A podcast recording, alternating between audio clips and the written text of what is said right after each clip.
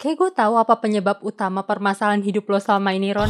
Langsung diserang gini gue baru mulai loh ini ini baru opening loh. Apa apa permasalahan gue tuh apa? Iya love cell lo ada di suatu tempat lagi ger otak deh.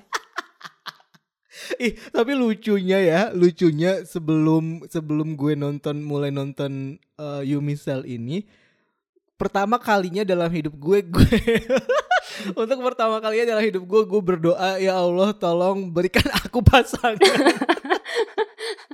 Kayaknya karena gue tahu deh lo bakalan menyinggung soal love cell love cell ini. Jadi kayak uh, kenapa tiba-tiba gue berdoa seperti ini? Mungkin Allah juga bingung kali ya sama doa gue loh. Ada angin apa nih bocah gitu? Udah punya firasat ya gue bakal nyentil.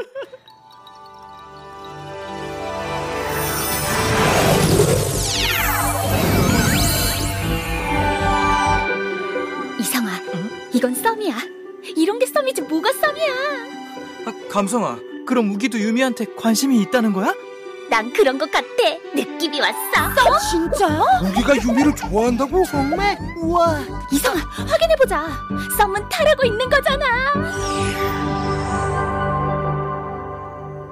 Yumi Cell ini sebuah drama yang benar-benar bisa relate sama semua orang sih. Ih, gue setuju banget tapi Iya kan maksud gue kayak mungkin ada satu dua hal yang lo nggak relate cuman kayak sel-sel lain itu tuh pasti kayaknya ada gitu di tubuh kita. Cuman mungkin eh, bedanya di tiap orang itu kayak presentasi kekuatan sel itu beda-beda. Kayak yang dia bilang di sini kan tiap orang punya prime cellnya sendiri kan sel utama yang mengendalikan dia tuh apa. Cuman kayak sel-sel lain pasti ya kita bisa relate kayak betapa eh lucunya si sel lapar pas dia lagi kelaparan tangannya Yumi sampai gemetar nggak bisa mikir itu gue banget sih itu juga gue banget sih. Tapi kalau lo, gue rasa lo sel cemas gak sih? Sebenarnya kayak lo cemas setiap saat Iya, gue sel cemas, lu sel baper ya. Iya kalau gue sel baper, betul-betul sel Iya. baper banget sih kalau gue.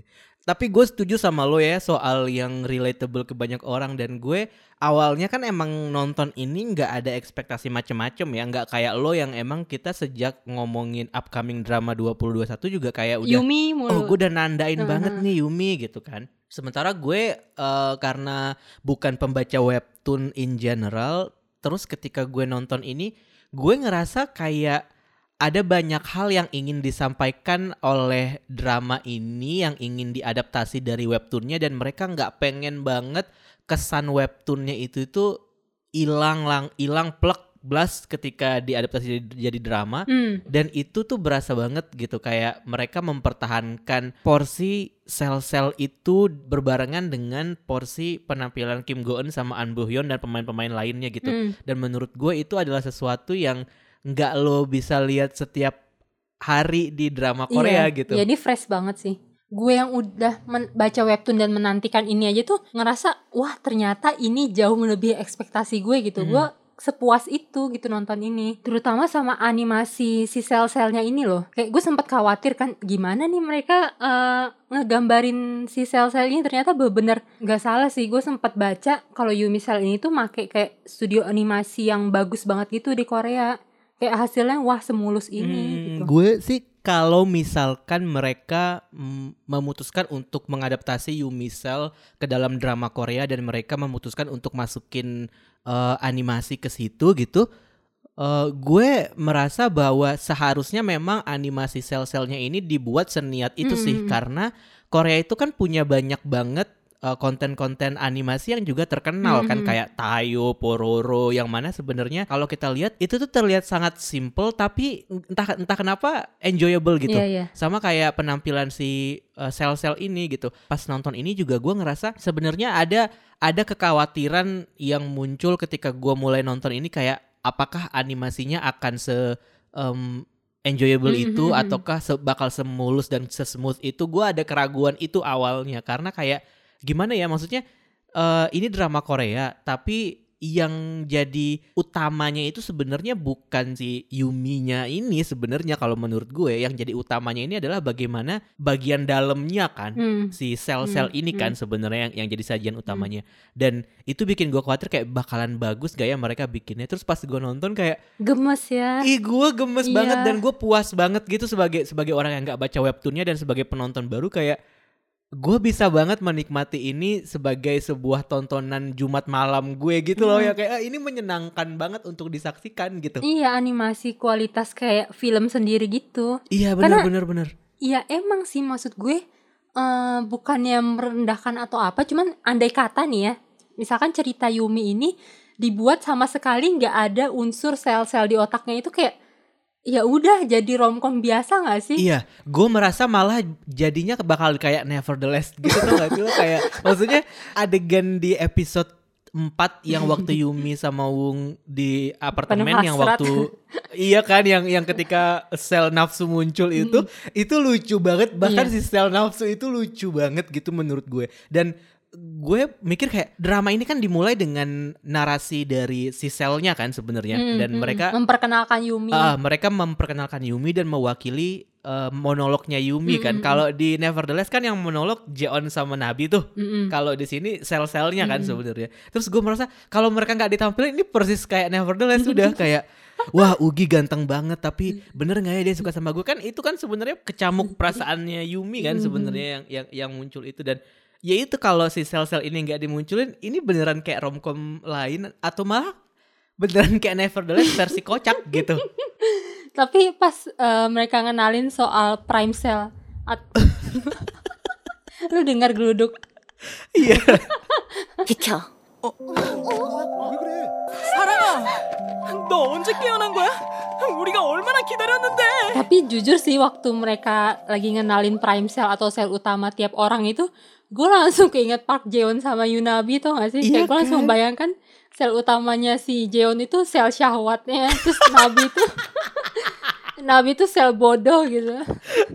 Wah, bener bener bener bener. bener. First impression gue pas nonton ini, gue nggak ada ekspektasi dan gue juga nontonnya itu dalam kondisi yang mentalnya lagi nggak stabil Iya gitu. gue tahu mental lagi gak stabil terus. Iya kan, mental gue lagi nggak stabil banget gitu ketika gue nonton ini. Tapi setelah setelah gue no- selesai nonton dua episode tuh kayak, ih kok nagih ya, kayak gue pengen nonton deh episode selanjutnya gitu. Hmm. Gue tuh nggak pernah merasa Kim Go Eun itu tuh adalah seorang aktris yang bakal bisa gue suka gitu. Oh gitu. Gue nggak suka penampilan dia di The King, gue nggak suka penampilan dia di Goblin karena menurut gue biasa aja udah gitu kayak kayak ya udah gitu. Tapi ketika gue nonton Cheese in the Trap, gue suka banget karakter dia di Hmm. situ. Kayak ada kesan quirky yang yang mungkin ini selera kali ya. Hmm. Dan ketika gue dihadirkan Yumi ini, gue agak sedikit keinget dengan image dia di Cheese in the Trap itu sih sebenarnya di, di gue persepsi gue tuh kayak gitu. Hmm. Jadi mungkin itu yang pada akhirnya bikin gue, oh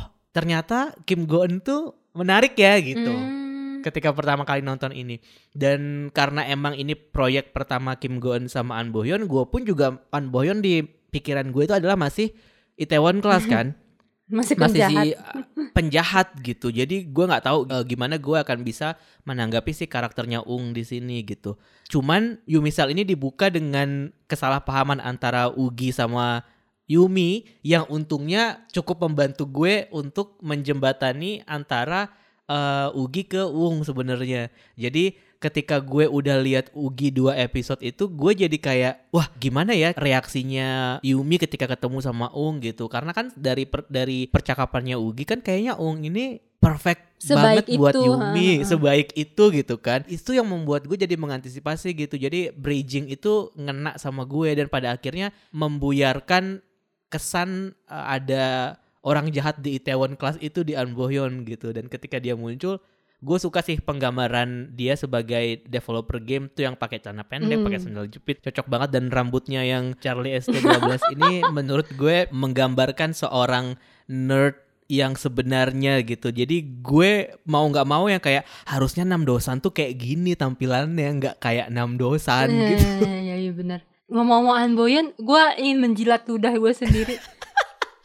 kayak waktu sebelumnya gue akui gue agak-agak meragukan kayak gue nggak kebayang gitu. Karena kayak tadi yang lo bilang An Boyan yang kita kenal itu kan di dua drama yang kita review sebelumnya berturut-turut jadi orang jahat kan. Nah, gue nggak kebayang nih sama sekali kalau misalkan An Boyan jadi orang nerd yang eh, gondrong dan berjenggot kayak gini. Soalnya kan waktu itu pas kita lagi ngomongin soal Yumi, sama sekali belum ada teaser foto atau trailer apa pun kan soal eh, si Yumi ini. Jadi gue kayak susah gitu ngebayanginnya Boyun jadi kayak si Wong ini gimana gitu. Cuma begitu dia muncul dengan kesan pertama pertemuan pertama yang sangat awkward dan lucu itu gue kayak wah gila sih keren, Iya keren. dan gua rasa adegan itu dibuat um, menjadi lebih appealing buat penonton. Gua rasa sih sebenarnya karena sel-selnya itu juga sih. Kita diajak mengenal karakter masing-masing karakter utama di Yumi Cell ini lewat sel-selnya dia kan. Hmm. Karena sel-selnya itu yang membuat dia sebagai manusia tuh bereaksi dan segala macam gitu. Jadi instead of kita kayak nonton satu drama dan ngikutin ceritanya melewat kayak flashback apa dan segala macam gitu, kita tuh kayak di diceritain sama orangnya langsung lebih personal tapi karena levelnya itu udah level sel gitu loh. Kayak gue ngerasa itu yang itu yang membuat gue jadi bisa menikmati ah, dan dan bisa mengerti si karakter Yumi ini dalam cuman satu episode doang gitu. Dan itu menyenangkan sih karena biasanya kalau nonton drama kan kayak aduh apaan sih Nabi kok gini? gitu. Kayak ini orang Mm. kenapa sih? Apa sih yang terjadi di masa lalu dia? kan gitu kan sebenarnya. Mhm. tapi kan kalau ini kayak eh, masa lalunya Yumi aja tuh kayak sebenarnya singkat dijelasnya singkat. Simple dia tuh patah hati sebenarnya. Yang ke- kemudian membuat dia jadi nggak bisa terbuka perasaannya untuk laki-laki lain gitu. Terkunci lah istilahnya hatinya. Padahal, padahal sel cintanya pun juga lagi koma dan segala macam kan se- selama tiga tahun terakhir gitu. Sesimpel itu tapi dari percakapan para selnya ini mungkin itu yang bikin backstory Yumi jadi lebih ngena karena nggak tahu kenapa ya kayaknya kita atau mungkin gue nih orang yang nonton drama Korea di usia 30 ini kayak udah males mencerna banyak hal atau menganalisa banyak hal. Jadi gue pengen didongengin aja tapi lewat kartun gitu dan it works for me. kayak setelah hospitality kan gue eh, cukup banyak berusaha move on dari drama-drama kan nonton terus kayak yang lain ya oke bagus gitu cuman Yumi ini berada di another level gitu I'm on the next. Gue pas nonton ini tuh bener-bener ngerasa kayak bisa masuk ke dalam ceritanya banget gitu Hmm, gara-gara hmm. Sil Sesel ini. Mm, mm, mm. bahkan eh, yang sedihnya dia gara-gara patah hati sama si Ugi lah. Terus eh, gimana histerianya dia kayak mau baru berusaha mau dapet cinta yang baru malah mendadak insecure nggak jelas. Itu kayak semuanya itu tuh gue bisa paham gitu. Gue bisa merasakan apa yang Yumi rasakan gitu. Gue nggak kayak pas misalkan gue nonton Nabi kayak ikan apa sih nih cewek? Gitu. Karena ya itu semuanya tuh bener-bener udah jelas gimana pola pikir dia kenapa dia bisa berpikiran kayak gitu ya terjawab langsung sama si sel-sel yang muncul satu persatu ini gitu. Apa mungkin karena memang basically kita sebagai manusia juga sebenarnya memiliki apa merasa terwakili dengan ya sel-sel itu mungkin atau Mm-mm, maksud gue kayak ketika gue ngelihat si eh, sel cemas itu bener gak sih namanya sel cemas Eh, si iya, sel gelisah, sel gelisah itu anxious. si anxious itu gue kayak iya gue pun Mm-mm, m- mm-mm. berpikir seperti itu ketika misalkan wah hari ini menyenangkan sekali ya terus kemudian kayak tiba-tiba gloomy. Gak mungkin gak sih? Mm-mm. Iya, gak mungkin gak sih semuanya berjalan begitu baik? Kayaknya ada sesuatu deh yang sana. Kan gitu kan kadang-kadang, kadang-kadang juga kita muncul perasaan-perasaan itu gitu. Terus yang yang paling relate tuh sebenarnya pas bagian ini sih, si sel apa tuh Nat yang Emosi. bukan si sel belanja. Oh, self fashion. Sel fashion itu sih menurut gue itu sangat sangat relate banget sih. Itu kan sel impulsif ya sebenarnya. Mm-mm. Iya kan? Kayak lucu aja menurut gue bagaimana eh, dia beli baju seharga 70 ribu won, tapi kayak dia bertanya kayak tapi gue nggak tahu mau pakai baju ini ke mana. Terus ada temen yang jadi setan yang bilang kayak lu bisa pakai ini ke Phuket gitu kayak padahal baju kan ya udah gak sih Iya. gitu. Terus akhirnya itu yang membuat dia belanja belanja belanja. Terus menurut gue kayak gue juga kayak gitu tuh. gue juga kayak gitu deh kayaknya kayak Iya. gue beli gue beli meja misalnya kayak kayak meja ini nggak cocok deh kalau misalkan gue pakai kursi yang udah gue punya akhirnya gue beli kursi yang lain gitu. rombak semua Iya ya. kan rombak semuanya teh kursi ini Mm. kayaknya lebih bagus kalau misalkan ada karpetnya deh akhirnya beli karpet lagi gitu kan kayak aduh Mm-mm.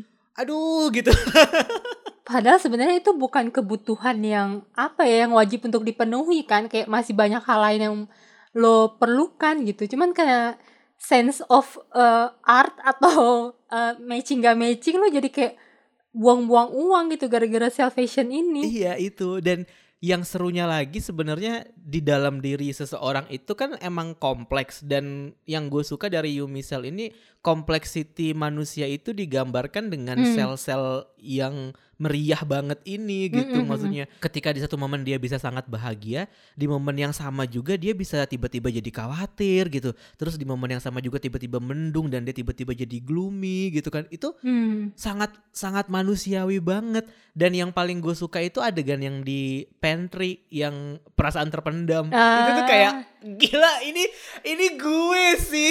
Kayak ini gue banget gitu. Tapi mereka menceritakan bagaimana seorang manusia bisa menarik atau membakar sumbu perasaan terpendamnya itu gitu maksud gue kayak Hmm. wah they explain that feeling sangat-sangat nyenengin sih buat gue sebagai penonton Iya, kayak Yumi tuh berusaha nahan-nahan, cuman pada akhirnya pada suatu titik tuh dia nggak tahan lagi kayak pengen ya udahlah gue selpet aja langsung lewat si true feeling ini dengan balutan jokes tapi bukan jokes Iya, gitu. dan dan kita kayak kita kayak mau nyalahin selnya, tapi sebenarnya sel itu adalah Yumi juga kan, jadinya kayak gue Iya, gue tuh kadang-kadang merasa kayak misalkan yang sel histeria itu misalnya, wah anjir nih nyebelin banget ya, tapi ketika gue mau nyalahin itu that cell is actually inside Yumi's body. Gitu loh. Jadi sebenarnya itu Yumi sendiri.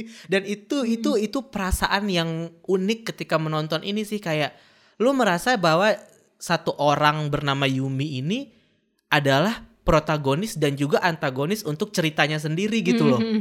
Ya, Dan itu nggak pernah gue temukan pengalaman itu di nonton drama yang Iya, sebelumnya sebenarnya. Histeria sejauh ini dia ini ya satu-satunya sel antagonis ya Ah, yang merusak eh, jalan cerita.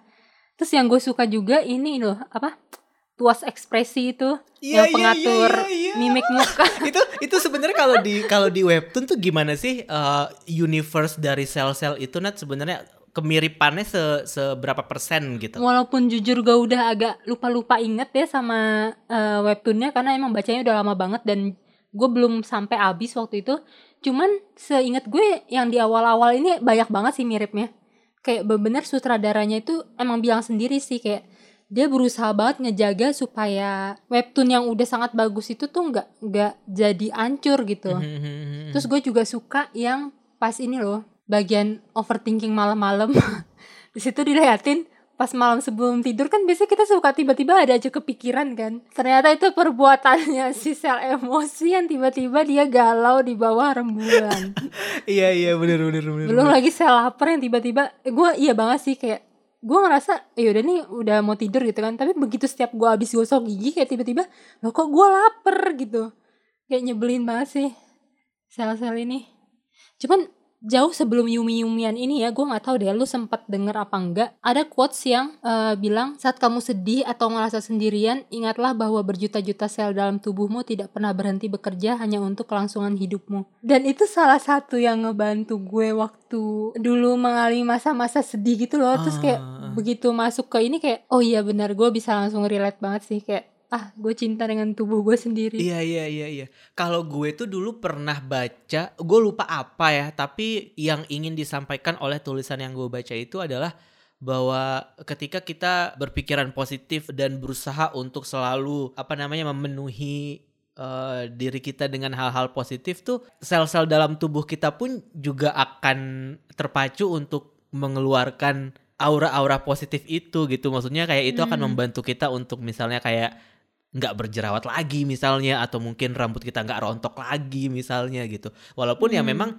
sebenarnya PR terbesar menurut gue sebagai manusia adalah taking care of ourselves kan Hmm. lebih gampang buat seseorang untuk ngurusin orang lain atau memperhatikan orang lain dibandingkan dengan memperhatikan diri diri mereka sendiri gitu Mm. jadi ketika gue nonton ini kalau ada hikmah yang akan gue ambil adalah bahwa ya apa pun yang terjadi di dalam diri gue atau pergulatan batin itu gitu ya maksudnya kayak itu adalah sebuah proses yang wajar dan pada akhirnya gue memang harus menerima itu sebagai proses pendewasaan gitu loh kayak perjalanan kita sebagai manusia untuk bisa mengerti diri kita sendiri gitu. Kayak gue ngerasa empat episode pertama ini gue dibuat sangat mengerti sekali sosok Yumi gitu. Mm. tapi di saat yang sama gue juga merasa kayak kayaknya gue juga butuh deh melakukan eh, refleksi diri gitu loh. Kayak kira-kira hari ini sel mana nih ya yang bakalan bergejolak? Atau mungkin hari ini sel mana lagi ya yang akan eh, apa mendominasi? Kayak gitu-gitu Mm-mm. sih. Lebih lebih ke kayak itu sih eh, taking care of ourselves aja sih. Lebih mengerti apa yang lo butuhkan dan apa yang lo nggak suka gitu Hmm, hmm. Iya dan gue juga sempat baca ada yang bilang di Twitter kayak dia tuh setelah nonton Yumi yang tadi yang ngerasa kesepian jadi kayak ngerasa oh iya ya gue nggak sendirian gitu. Ternyata banyak sel-sel aneh di dalam tubuh gue. sel-sel aneh nauzubillahi min zalik 자장자장 세포야 이때야 유미를 빨리 채워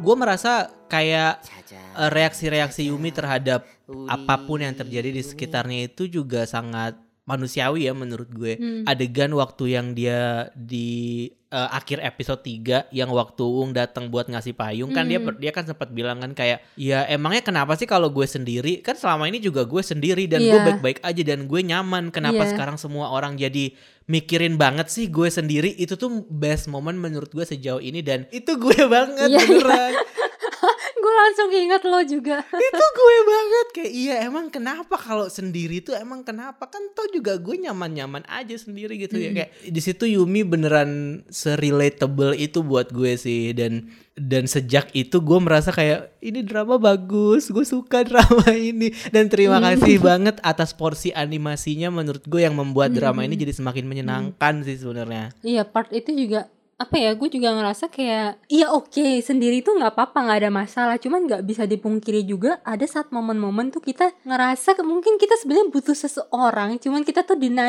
iya gitu iya kayak tadi gue bilang kan Iya baru kan? pertama kalinya gue berdoa ya Allah berikanlah hamba Iya dan begitu ada yang ngebaikin dikit tuh kayak dunia Yumi tuh langsung bergoncang gitu. bergoncang banget sih cuman gua nggak expect Ugi akan dibawa ke situ sebenarnya arahnya kayak tadinya gue pikir dia cuman kayak mau ngedeketin tapi modusnya itu bukan ngenalin cowok lain gitu Eh, Ugi Ugi sialan sih. iya Ugi nyebelin. sialan banget beneran Nggak kayak gitu caranya, nggak nggak nggak bikin orang salah paham gitu. Iya. Sumpah dia. iya bener-bener tapi kalau lo pikir-pikir ya kalau lo menempatkan diri lo di konteks kehidupan nyata nih kayak misalkan gue kan gampang banget terseret arus pesona orang lain ya. Jadi ketika momen Ugi sama Yumi itu anjing Ugi nyebelin banget lu gitu. Karena jujur gue kalau ada di posisi Yumi Pasti salah paham juga kan. Iya bener. Salah satu buku juga akan salah paham gitu. Dan gue gak tahu kenapa Tapi itu kayak pernah deh terjadi sama gue gitu. Eh, Ketika gue merasa kayak naksir orang gitu Terus orang ini kok kayaknya juga bal- balik baikin gue Tapi ternyata orang ini modusnya beda gitu. Dan eh, masalahnya adalah Karena gue sama Yumi adalah orang-orang yang sudah kesepian terlalu lama Jadi ketika ada orang yang berbuat baik ke kita tuh Jadi kayak eh, kita tuh udah udah udah nggak bisa ngebedain lagi mana yang ini sebenarnya modus sama yang mana yang sebenarnya tulus gitu. Mm. Yang bikin gue kesel sama Ugi adalah setelah setelah dia ngenalin Yumi sama Ung dia pergi ke Amerika udah itu aja kayak lu nggak bertanggung jawab banget mau tolong lu udah ngerusak kehidupan orang ngapain lu pergi udah gitu kayak eh, gue menghargai kejujuran Ugi soal eh, pilihan hidup dia tentang orientasi seksual dia Hmm. dan kejujuran dia ke Yumi di meja kafe itu gitu. Tapi ter- dari di sisi Yumi itu terlalu banyak hal yang yang dia tanggung dalam satu hari gitu loh yang kayak Hmm. Wah dia baru tahu cowok yang dia taksir nggak suka sama dia Dia juga baru tahu cowok yang dia taksir ternyata gay gitu Tuh kayak. Astagfirullah ya Allah hamba tidak sanggup Iya baru kayak lagi tinggi-tingginya nih harapan terus kayak bener langsung ditampar diinjek-injek dirobek gitu hatinya.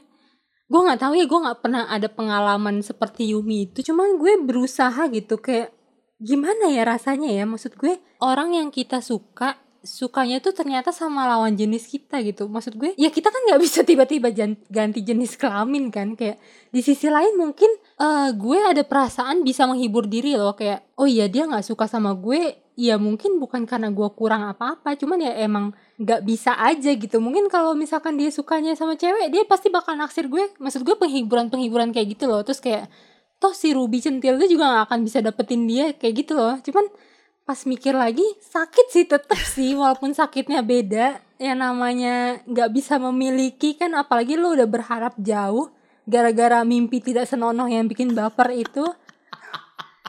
Terus tahu-tahu si Ugi dengan tidak pekanya eh, ngajakin Yumi apa blind date sama temennya tuh kayak wah adegan nangis di toilet tuh eh, puncak banget Dan sih. gue suka banget toiletnya tulisannya jangan ditahan. Terus tuh kayak iya "Wah, this is iya so cool. iya iya, bener 잘 잤어요 선배? berkecamuk banget gue di momen di momen yang di cafe itu gitu. Di awal gue merasa dibuka dengan mimpi dibuka dengan mimpi tidur bersama Ugi itu kayak sebuah visual yang menyenangkan gitu. Maksudnya kan gue menerima gue, gue di kantor kan juga nerima press release dari SM kan tentang Minho keterlibatan Minho di drama ini gitu. kayak as a, as a, as a K-pop fan gue suka Shiny banget dari dulu Shiny adalah grup yang bikin gue suka K-pop gitu dan Minho adalah bias pertama gue di K-pop gitu tapi ketika Minho main drama itu gue nggak pernah ngikutin sebenarnya karena Gimana gue sih? Eh, gue nggak terlalu suka sama acting dia jujur aja di di di drama gitu. Jadi kayak dia main di Huarang gitu gitu tuh gue nggak gue nggak nonton gitu kan. Gue dari awal emang nggak suka acting dia. Tapi as a as a K-pop idol visually god gitu loh kayak wah visual of the visual deh si Choi Mino gitu. Hmm. tapi di drama gue nggak terlalu suka. Terus ketika dia main di Love Struck gue cukup tertarik dengan karakter itu yang dia mainin di Love Struck in the City sebenarnya Jadi jadi apa ya? Gue lupa deh. jadi polisi waktu itu. Oh iya, oh iya, kan? cameo ya. kan. Jadi kayak nggak penting-penting banget tapi ada sesuatu yang kita pengen tahu lebih banyak dari situ gitu. Mm. Tapi ketika di Ugi ini yang bikin gue agak terganggu adalah cara ngomong dia sebenarnya kayak Chanwoo di True Beauty jujur li nih. Masa sih? Mungkin karena gue gak terlalu kenal Mino sebagai idol di luar sana kayak gimana ya. Gue juga agak dikit sih nonton drama dia. Cuman gue menikmati-menikmati aja sih. Hmm. Dan di awal-awal kalau gue melupakan cerita webtoonnya. Ya itu gue juga ikutan naksir gitu dengan sosok Mugi di sini yang sesweet dan semanis itu yang pagi-pagi tiba-tiba nyelonong datang nanya kamu rumahnya di mana Eh, di Bekasi kan ya di sebelah mana Pekailona ini gue pasti langsung kayak mikir ini mau ngajak nebek apa jangan-jangan dia punya usaha omprengan apa gimana gitu kan pasti kan pasti jadi overthinking kan. Belum lagi yang dia apa ngasih kopi lah terus yang dia bukain pintu dia tangannya kepegang semua itu tuh wajar gitu membuat eh, sel-sel otak Yumi semuanya tuh detektif itu pun bahkan ketipu bahwa ya Wong ini tuh punya maksud lain padahal enggak gitu. Sebel sih gue. Karakter dia dibuat sangat misterius dan abis itu ngilang. Masalahnya itu aja gitu kayak setelah dia memperkenalkan Yumi sama Ung itu tuh kayak nggak bertanggung jawab orang ini menurut gue gitu loh. Tapi ya memang mungkin eh, kapasitas dia sebagai mak comblang ya mungkin memang cuma sampai situ juga sih sebenarnya. dan Mino sekali jadi cameo langsung dapat dua bed scene ya Emang dia beneran cuman cameo banget ya di drama ini. kayaknya sih Jadi si Ugi tuh gak bakal muncul-muncul lagi nih si Ugi. Aduh gue kurang tahu deh jujur gue tuh otak gue kan lu tahu sendiri kan sel memori gue tuh nggak rapi gitu kayak otaknya SpongeBob Wah kalau beneran dia nggak muncul lagi bener-bener tidak bertanggung jawab sih menurut gue kayak jahat banget nih orang. eh tapi Yumi Cell ini tuh eh, dramanya akan ada beberapa season sih Iya iya kan dia bilang kan Mm-mm. em, sutradaranya bilang kalau dia nggak cukup nih kalau cuman satu season doang dan season ini bakalan Mm-mm. fokus ke Yumi kan katanya. Mm. Gue kan tipe orang yang nggak suka banget nih nonton drama Korea yang berseason season iya kecuali hosplay kan sebenarnya. iya Kayak menurut gue drama Korea di era 2010 sampai 2015 2018 itu kayak the peak of the peak Korean drama deh di mana 16 episode 20 episode itu cukup gitu. Mhm. dan ketika mereka muncul dengan uh, ide bahwa semua drama Korea harus di season seasonin gitu gue kayak kenapa? gitu. Kenapa? gitu. Nah makanya ketika uh, ketika Yumi ini dibilang mereka akan bikin banyak season pas gue nonton gue ngerti sih kenapa. Karena porsi manusia dan porsi animasinya itu tuh kalau misalkan cuma 16 14 episode anyway kan mereka mau produksi ini Mm. itu tuh kayak nggak cukup menurut gue karena terlalu Mm-mm. banyak yang ingin diceritakan betul juga sih terlalu banyak yang Mm-mm. ingin diceritakan dan mungkin karena mereka memang punya vision bahwa mereka tidak ingin menodai image webtoonnya yang emang udah bagus itu jadinya mereka juga tidak ingin mengecewakan pembaca webtoonnya ketika nonton Mm-mm. ini kali ya Iya, gue jujur yang eh, berita soal ini akan ada beberapa season itu sebelum nonton ini tuh gue belum tahu berita itu nggak tahu apakah gue yang kudet atau emang beritanya agak kurang hype. Cuman pas gue nonton 4 episode ini gue kayak ngerasa udah sayang gitu, kayak gue ngerasa langsung eh apa namanya kecemasan gue bahwa ini akan berakhir di 14 episode tuh langsung memuncak kan makanya pas gue tahu bahwa ini justru akan diproduksi eh, untuk beberapa season gue malah seneng banget sih. Kayak lagi-lagi gue menjilat lidah gue sendiri bahwa gue nggak suka drama berseason-season gitu. Kayak sebenarnya mungkin ujung-ujungnya balik lagi sih tergantung seberapa kita suka sama drama itu. Kayak iya kalau suka ya mau berapa season juga ya udah ayo Betul, gitu. betul, apalagi akhir-akhir ini tuh gue ngerasa kayak eh, nggak tahu ya kelarnya hostplay itu mengajarkan gue bahwa justru gue kayak ngerasa jadi agak males gitu loh kayak harus mencari lagi drama yang baru lainnya gitu. Justru mending kayak ya udah mendingan ada satu drama yang benar-benar bagus banget ya udah gue ikutin itu terus gitu untuk waktu yang lama daripada gue harus kayak aduh cari lagi yang baru kenalan lagi dari awal terus belum apa-apa ntar berpisah lagi. Karena memang premisnya Yumi ini sendiri pun kan ya keseharian Yumi dan sel-sel yang mencintainya kan. Jadi kayak di season demi season kita akan ngelihat pertumbuhan Yumi banget sih kayak gimana dia eh, berdeal dengan jatuh cinta yang kedua kalinya patah hati yang kesekian kalinya yang berganti-ganti dengan orang kayak real life kita banget deh maksud gue. Kayak drama lainnya kan kayak ya udah ketemu satu cowok terus happy endingnya adalah jadian sama cowok itu udah kelar gitu. Sedangkan Yumi ini dia akan ada nanti berganti lagi kan. Jadi kita kayak belajar sama-sama dengan Yumi ini untuk tumbuh. Iya iya iya iya. Mungkin itu juga yang perlu digarisbawahi. Mungkin karena sekarang culture dari drama Koreanya sendiri juga menawarkan banyak season kayak yang tadi lo bilang itu kan. Kayak gue juga sih pada akhirnya menelan menelan menjilat ludah sendiri juga sih ketika gue bilang kayak gue nggak suka drama Korea banyak season. Tapi anyway gue suka eh, apa hospital playlist gitu di dua season itu gitu.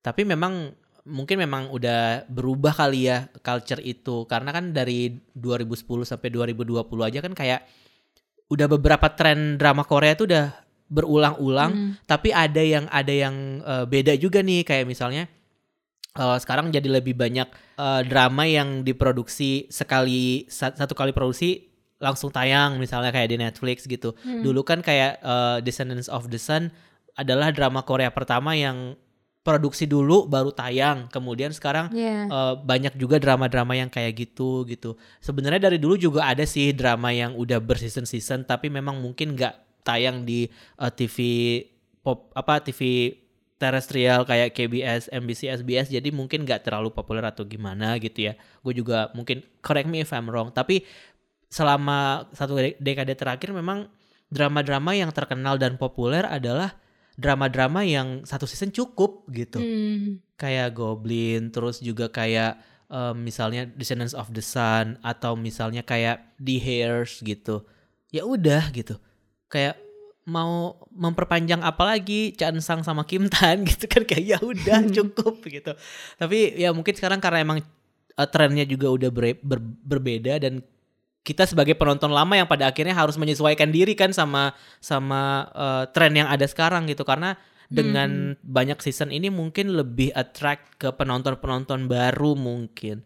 Tapi kalau untuk Yumi sendiri sebenarnya gue ya pada akhirnya mau nggak mau karena gue udah menikmati banget gitu empat episode pertama ini kemungkinan gue akan ngikutin sih mereka akan muncul dengan season selanjutnya atau enggak karena Mhm. eh, treatment per episodenya pun juga dengan dibagi-dibagi kayak segmen seperti webtoon gitu juga menurut gue jadi bikin kita sebagai penonton eh, ada jeda gitu. Oh tahu sekarang lagi mau fokus ke jenggot gitu. Oh sekarang lagi mau fokus ke nafsu gitu. Jadi kayak ada ada jeda yang bikin kita pun sebagai penonton juga mudah untuk mengikuti tadi sampai mana ya? Ini sedang dalam eh, apa namanya fase apa ya gitu. Iya benar. Gue juga nonton Yumi ini kayak loh tahu-tahu udah habis aja gitu kayak gue langsung Exactly, mana yes. nih tombol nextnya mana gue baru pertama Gak kali loh nonton eh, drama Korea untuk ngedrakor kayak kok nggak berasa udah habis gitu. Sesuka sukanya gue sama Hospital Playlist gue menunggu kapan nih habisnya panjang banget soalnya gitu kan. iya iya Tapi tapi ini kayak oh tiba-tiba udah habis aja gitu.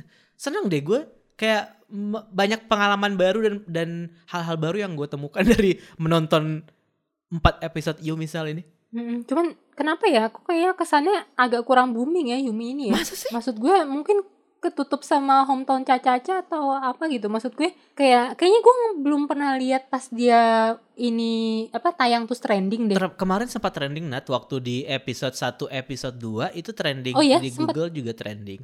Eh, Oh. rame cukup rame yang membahas ini. Tapi karena emang belakangan gue nggak aktif di Twitter dan gue nggak pernah ngaktifin trending Indonesia di Twitter, jadi gue nggak tahu apakah di Twitter trending atau enggak.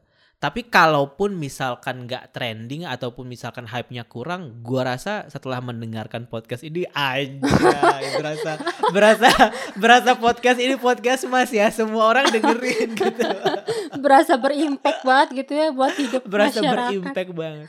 Tapi eh, lu bisa judge sendirilah gimana gue sama Nadia membahas Yomisel di episode ini. Jadi kalau lo dengerin podcast ini, I suggest you to watch Yomisel. kalaupun mungkin sekarang dia masih kayak orang-orang di sekeliling lo masih belum banyak yang nonton gue yakin eh, seiring berjalannya waktu apalagi masuk ke season 2 ini pasti akan jadi salah satu drama yang diperhitungkan banget sih terutama kalau misalkan lu tipe-tipe orang yang fear of missing out lu harus nonton dari sekarang karena ini pasti akan jadi besar Nonjanja. Eh, tim marketing IKEA lo ya.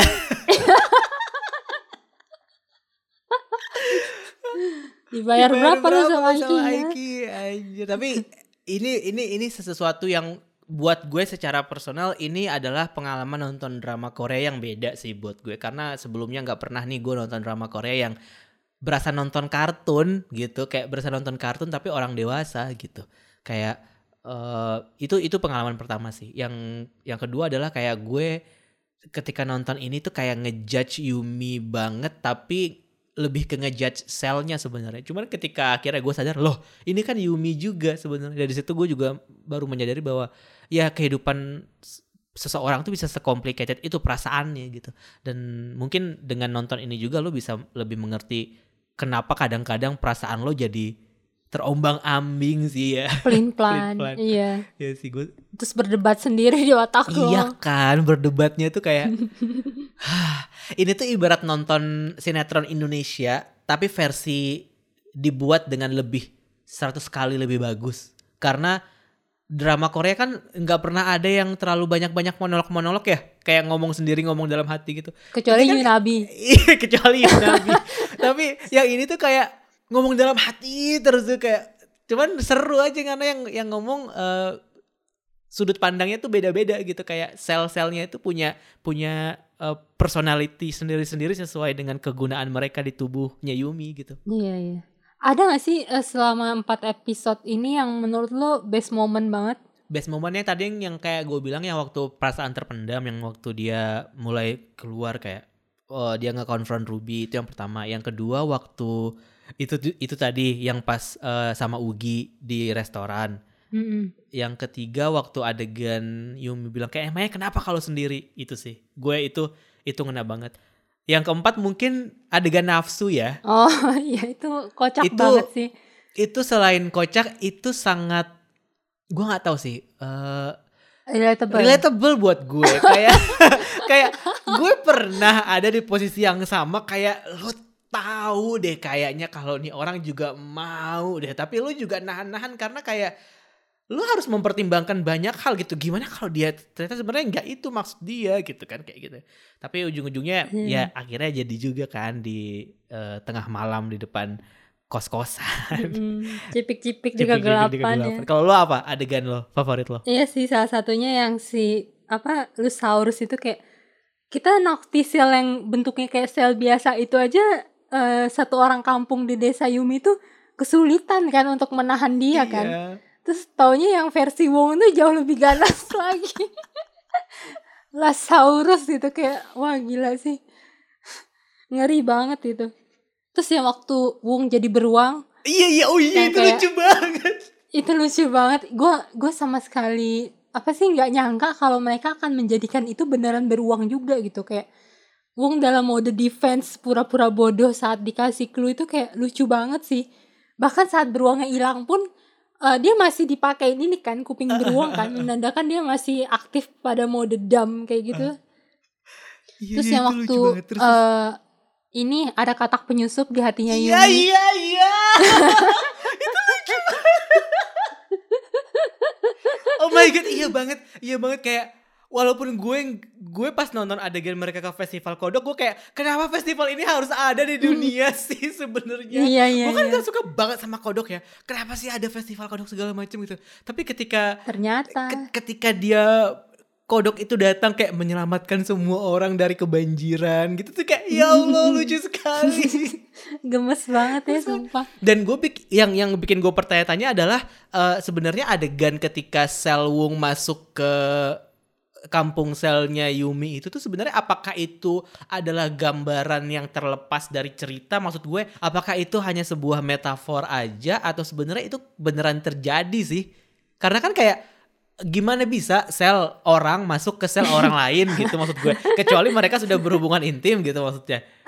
Tapi ini kan kayak Yumi sama Ung kan belum ada physical touch sampai ending episode 4 kan tapi di belum bertukar Iya belum ber- bertukar air liur kan tapi eh, selnya udah masuk bahkan sebelum itu gitu. Nah gue sempat mempertanyakan itu sih apakah ini adalah sebuah metafor bahwa sebenarnya oh iya Wung sudah sudah masuk ke dalam eh, Mm-mm. apa relung hati Yumi gitu mengetuk sisi-sisi yang tertutup pada pada hati Yumi gitu atau atau gimana itu kalau lo sendiri gimana ngelihat itu yang kayak ini loh eh Wong kan juga yang pas mereka habis pulang yang date pertama itu pas dia lagi bengong sendirian depan komputer dia tiba-tiba desanya dijajah sama hologram Yumi yang besar Iya, itu iya, iya. kan ada lari-lari di pikirannya kayak gitu sih menurut gue kayak menggambarkan bahwa ya itu pada saat itu Yumi udah masuk ke otak dia dan eh, katak itu adalah ya Wong berhasil masuk ke hati dia Ah, gitu ya ber- berarti memang memang sebagai metafor aja berarti ya Mm-mm, bahwa mm-mm. bahwa mereka berdua memang sudah ada memiliki ketertarikan satu sama lain gitu lah ya. Iya iya. Terus juga gue suka banget yang pas awal-awal kan si Wong itu pas eh, di tempat ngopi itu kan dia ngasih jokes yang sangat-sangat jokes bapak-bapak gitu kan. Iya iya iya iya. iya. Terus Yumi kan kayak ih apaan sih nih sumpah yang sel em- emosinya tuh yang udah bener yang pakai mode ak- apa otomatis itu kan yang iya reaksi fake puppet itu. itu. kan reaksi fake iya iya iya. Heeh, terus tapi begitu Yumi akhirnya beneran suka sama Wong itu langsung Yumi justru ni- niruin eh, jokes bapak-bapak itu tuh kayak wah iya sih ngegambarin banget kayak begitu kita suka sama seseorang ya se se senggak banget apa pun jokes dia justru kita malah jadi beneran ketawain Iya, ya gak sih? Iya, aku bisa relate banget kak sama Iya, gue juga itu, bisa relate itu. Iya banget. Itu- bener bener. Itu yang terjadi sama Songhwa sama Ikjun kan? Iya iya iya iya iya. relate banget sumpah. Iya bener bener. Dan satu hal lagi yang gue suka, eh, yang gue relate, walaupun gue mungkin gak suka sama karakternya ya, si temennya Wong yang cewek itu loh. Iya. Nah, gue nggak suka sama karakter itu karena ya udah udah jelas-jelas dia mungkin punya eh, maksud lain gitu. Maksudnya kayak eh, Hmm. dia suka sama Wong tapi Wong nggak suka sama dia tapi dia posesif banget gitu. Oke dari situ aja sebenarnya karakter ini sudah tidak sangat menyenangkan gitu buat gue. Hmm. Tapi apa yang dia lakukan untuk menarik perhatian Wong itu itu sangat relatable buat orang yang mengalami cak sarang, uh, Hmm. one sided love gitu. Jadi kayak Hmm. lo berusaha sekeras apa pun orang ini nggak bakalan mau gitu. Terus ketika gue nonton itu gue justru kasihan sebenarnya sama dia kayak ketika Wong jadi beruang itu kan sebenarnya dia lagi pengen mancing banget kan untuk Mhm. mencoba untuk eh, biar Wong tuh tahu atau aware atau ingatlah kalau sebenarnya dia tuh suka sama Wong gitu. Hmm. Tapi sebenarnya Wong tahu, cuman dia merasa kayak oh ini udah nggak sehat jadi tidak mungkin gue tanggapi gitu kan sebenarnya. Hmm. Nah, tapi ke- ketika gue memposisikan diri gue sebagai teman yang cewek itu kayak anjir gue juga melakukan itu kali sering banget. gue juga gue juga melakukan itu yang kayak eh bagaimana bagaimana dia berusaha untuk membuat Ung merasa bahwa enggak Yumi itu nggak suka sama lo, lo nggak bisa ngebaca situasi ya, lo nggak bisa apa memaknai pesan orang yang kayak gitu itu kan kayak usaha-usaha lo untuk menjatuhkan usaha tem orang yang lo taksir ini untuk bisa ketemu sama eh, orang, yang Orang dia lain. suka lain, orang lain yang dia suka gitu kan. Itu gue melakukan itu, ya Allah maafkan gue. itu gue melakukan itu pada masanya gitu kayak wah eh, dan as a human menurut gue ada kok orang-orang yang kayak gitu tuh pada akhirnya eh, kita dipas- dikasih lihat juga kan papan buletin di hatinya si cewek itu kan Mhm. bahwa semua apa yang di situ tuh eh, adalah prinsip dia dan dia bilang kayak gue nggak mau gue nggak mau nikah kecuali kalau itu sama Ung gitu Iya. jadi gimana gimana kita pada akhirnya eh, bisa mengerti dan bisa menilai bahwa semua perasaan orang tuh valid gitu loh. Kenapa dia kenapa dia bertindak seperti itu menanggapi pesan Yumi ke Ung dan segala macam ya sebenarnya karena agenda pribadi dia aja dan itu tidak bisa disalahkan menurut gue. Dan ini sebenarnya karena gue nggak mau disalahkan juga sih sama tindakan gue di masa lalu. Lu waktu itu pakai ini juga nggak teori emoticon ya menjelaskan bahwa orang itu nggak tertarik. Mungkin gue nggak pakai teori emoticon tapi gue memakai kemampuan manipulatif gue. Oh iya, sel manipulatif lo kayaknya cukup besar deh di diri Iya lo. kan, gue merasa sebagai orang yang cukup termanipulasi gak sama gue selama ini. Iya sih benar gue setuju. Maksud gue, eh gue lihat orang komen orang-orang tuh banyak yang kesel banget sama Sei ini. Gue juga kesel sih, gue sebel gitu sama tipe-tipe orang yang ya lu punya begitu banyak waktu selama bertahun-tahun lalu untuk menjadikan Wong milik lo gitu. Cuman ya kenapa lu tarik ulur terus? gitu. Kayak sampai Wong sendiri kan bingung kan dia sempat curhat sama si Ugi kan kayak gue bingung deh sama si Sei ini maksudnya apa? gitu kan. Kadang tuh dia ngasih perhatian lebih tapi kadang dia kayak ngebatasin gitu loh jaraknya. Terus Wong eh, si, si Ugi langsung bilang kan ya itu karena dia ini aja maksudnya dia nggak tertarik cuman kayak ya nggak rela aja ngelepasin lo. Sejak itu kayaknya Wong tuh memastikan bahwa oh ya udah gua nggak boleh nih termakan sama si cewek ini nih. Kayaknya sejak itu deh si beruang ini terbentuk gitu untuk pertahanan diri dia. Cuman balik lagi ke karakter orang kayak Sei ini sebenarnya bukan pertama kalinya kan ada di drama kan. Kayak di Taiwan Class ada yang kayak gitu si Sua. Terus kayak di Do You Like Brahms juga dia karakternya mirip-mirip kayak gitu kan. Maksudnya kayak teman lama yang kayak maju enggak mundur enggak gitu loh. cuman hebatnya di Yumi Cell ini mungkin karena kita udah sekilas dikasih lihat eh, isi otaknya Sei itu kita jadi kayak oh iya mungkin dia juga sebenarnya punya cerita tersendiri di masa lalu dia kenapa dia kayak segitu tertutupnya gitu loh maksud gue dia punya dia tahu nih dia suka orang cuman dia nggak bisa bergerak maju tuh kenapa gitu pasti ada historinya juga kalau Ruby lo kesel nggak Jujur li, iya. Kesel banget. Aduh, si Ruby ini yang main IUB kan? Hmm, lo kenal Gue dulu suka banget kan sama dia. oh gitu Yang pas awal-awal deh yang dia main drama kayak Innocent Man, si Nice Guy gue suka kan. jadi siapa dia Dia jadi adiknya Jung- So- Song Joong Ki di situ. oh Dia juga pernah jadi MC bareng Baekhyun Suho di SBS Inkigayo waktu itu dan gue ngikutin banget setiap episode dia nge-MC itu gue ngikutin banget. Hmm. Tapi pas gue nonton ini, gue tuh kesel banget sekesel-keselnya kayak "Ih, apaan sih ini orang gitu. Sumpah, yang dari cara ngomongnya dia itu berhasil banget membuat karakter ini senyebelin itu gitu. Kalau gue sih nggak nggak gitu ng- ngikutin si Yubi itu sih maksud gue gue baru ngeh gitu dia di ya di drama ini gitu walaupun kayaknya ada drama-drama sebelumnya yang gue lihat di Asian Wiki dia main yang kita tonton juga kan cuma gue kayak nggak ngeh dia main yang di mananya jadi siapanya gitu cuman di sini dia berhasil menarik perhatian gue sih tapi ya walaupun dia ngeselin gitu menurut gue tuh dia karakter yang harmless gitu loh kayak cuman annoying bodoh Iya, tapi kocak iya, gitu Iya sih, iya sih. Ya kan? Dan apalagi itu kayaknya lebih karena gara-gara persaingan sama si Ugi aja gitu. Ntar kalau misalkan dia tahu ternyata Ugi juga nggak bisa dia miliki, paling juga dia ini maksud gue nggak jadi salty sama si Iya Yumi. sih, iya sih. Itu eh, untuk untuk konteks dia di empat episode pertama ini dia cukup nyebelin sih buat Mm, gue. mm, mm. Dia nggak bisa lihat si Kon kan kapan dia harus berhenti eh, gangguin si Yumi waktu Yumi lagi histeris gitu.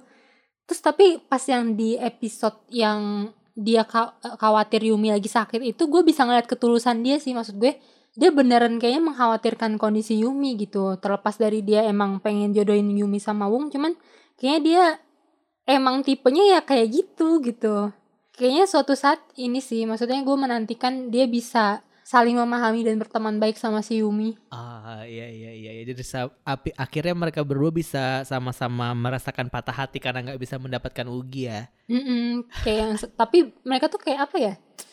Dua orang yang karakternya beda jauh gitu loh. Kayak satu super introvert satu lagi super extrovert yang satu lagi eh, insecure satu lagi over pede yang gitu loh. Kayak dua kutub yang berbeda Tapi kalau di dunia nyata kalau lo ketemu sama orang yang di em, kutub yang berbeda sama lo gitu, kira-kira lo bakal nyambung nggak? ada sih pernah kayak gitu. Maksud gue di awalnya mungkin gue kayak nggak ngerasa eh gue emang bisa ya temenan sama orang kayak gini. Cuma lama-lama begitu gue udah mengenal dia kayak oh iya gue tahu dia kenapa kayak gini. Jadi kayak gue memahami itu sih. Justru orang yang nggak terlalu deket sama gue yang bingung kayak Hmm. lo temenan sama dia gitu loh. Tapi apakah itu pada akhirnya lo lo yang lebih banyak mengerti atau kalian berdua sama-sama mengerti sama lain? gue kayaknya lah iya kan, ujungnya kan pasti gitu kan, sama kayak Yumi kan sebenarnya. iya, Jadi iya. kayak Yumi yang lebih yang lebih pintar menahan perasaan dia dan menempatkan diri dia kan, kayak waktu adegan di pantry kan. Mm-mm. Jadi gua rasa eh, orang kayak Yu- Ruby ini memang butuh ditampar sekali sih kayak bahwa apa yang dia lakukan itu tidak se tidak selalu benar gitu maksud gue. Karena eh, yang gue lihat dari empat episode ini ya yang pada akhirnya menanggung beban itu ya Yumi Mm-mm. gitu.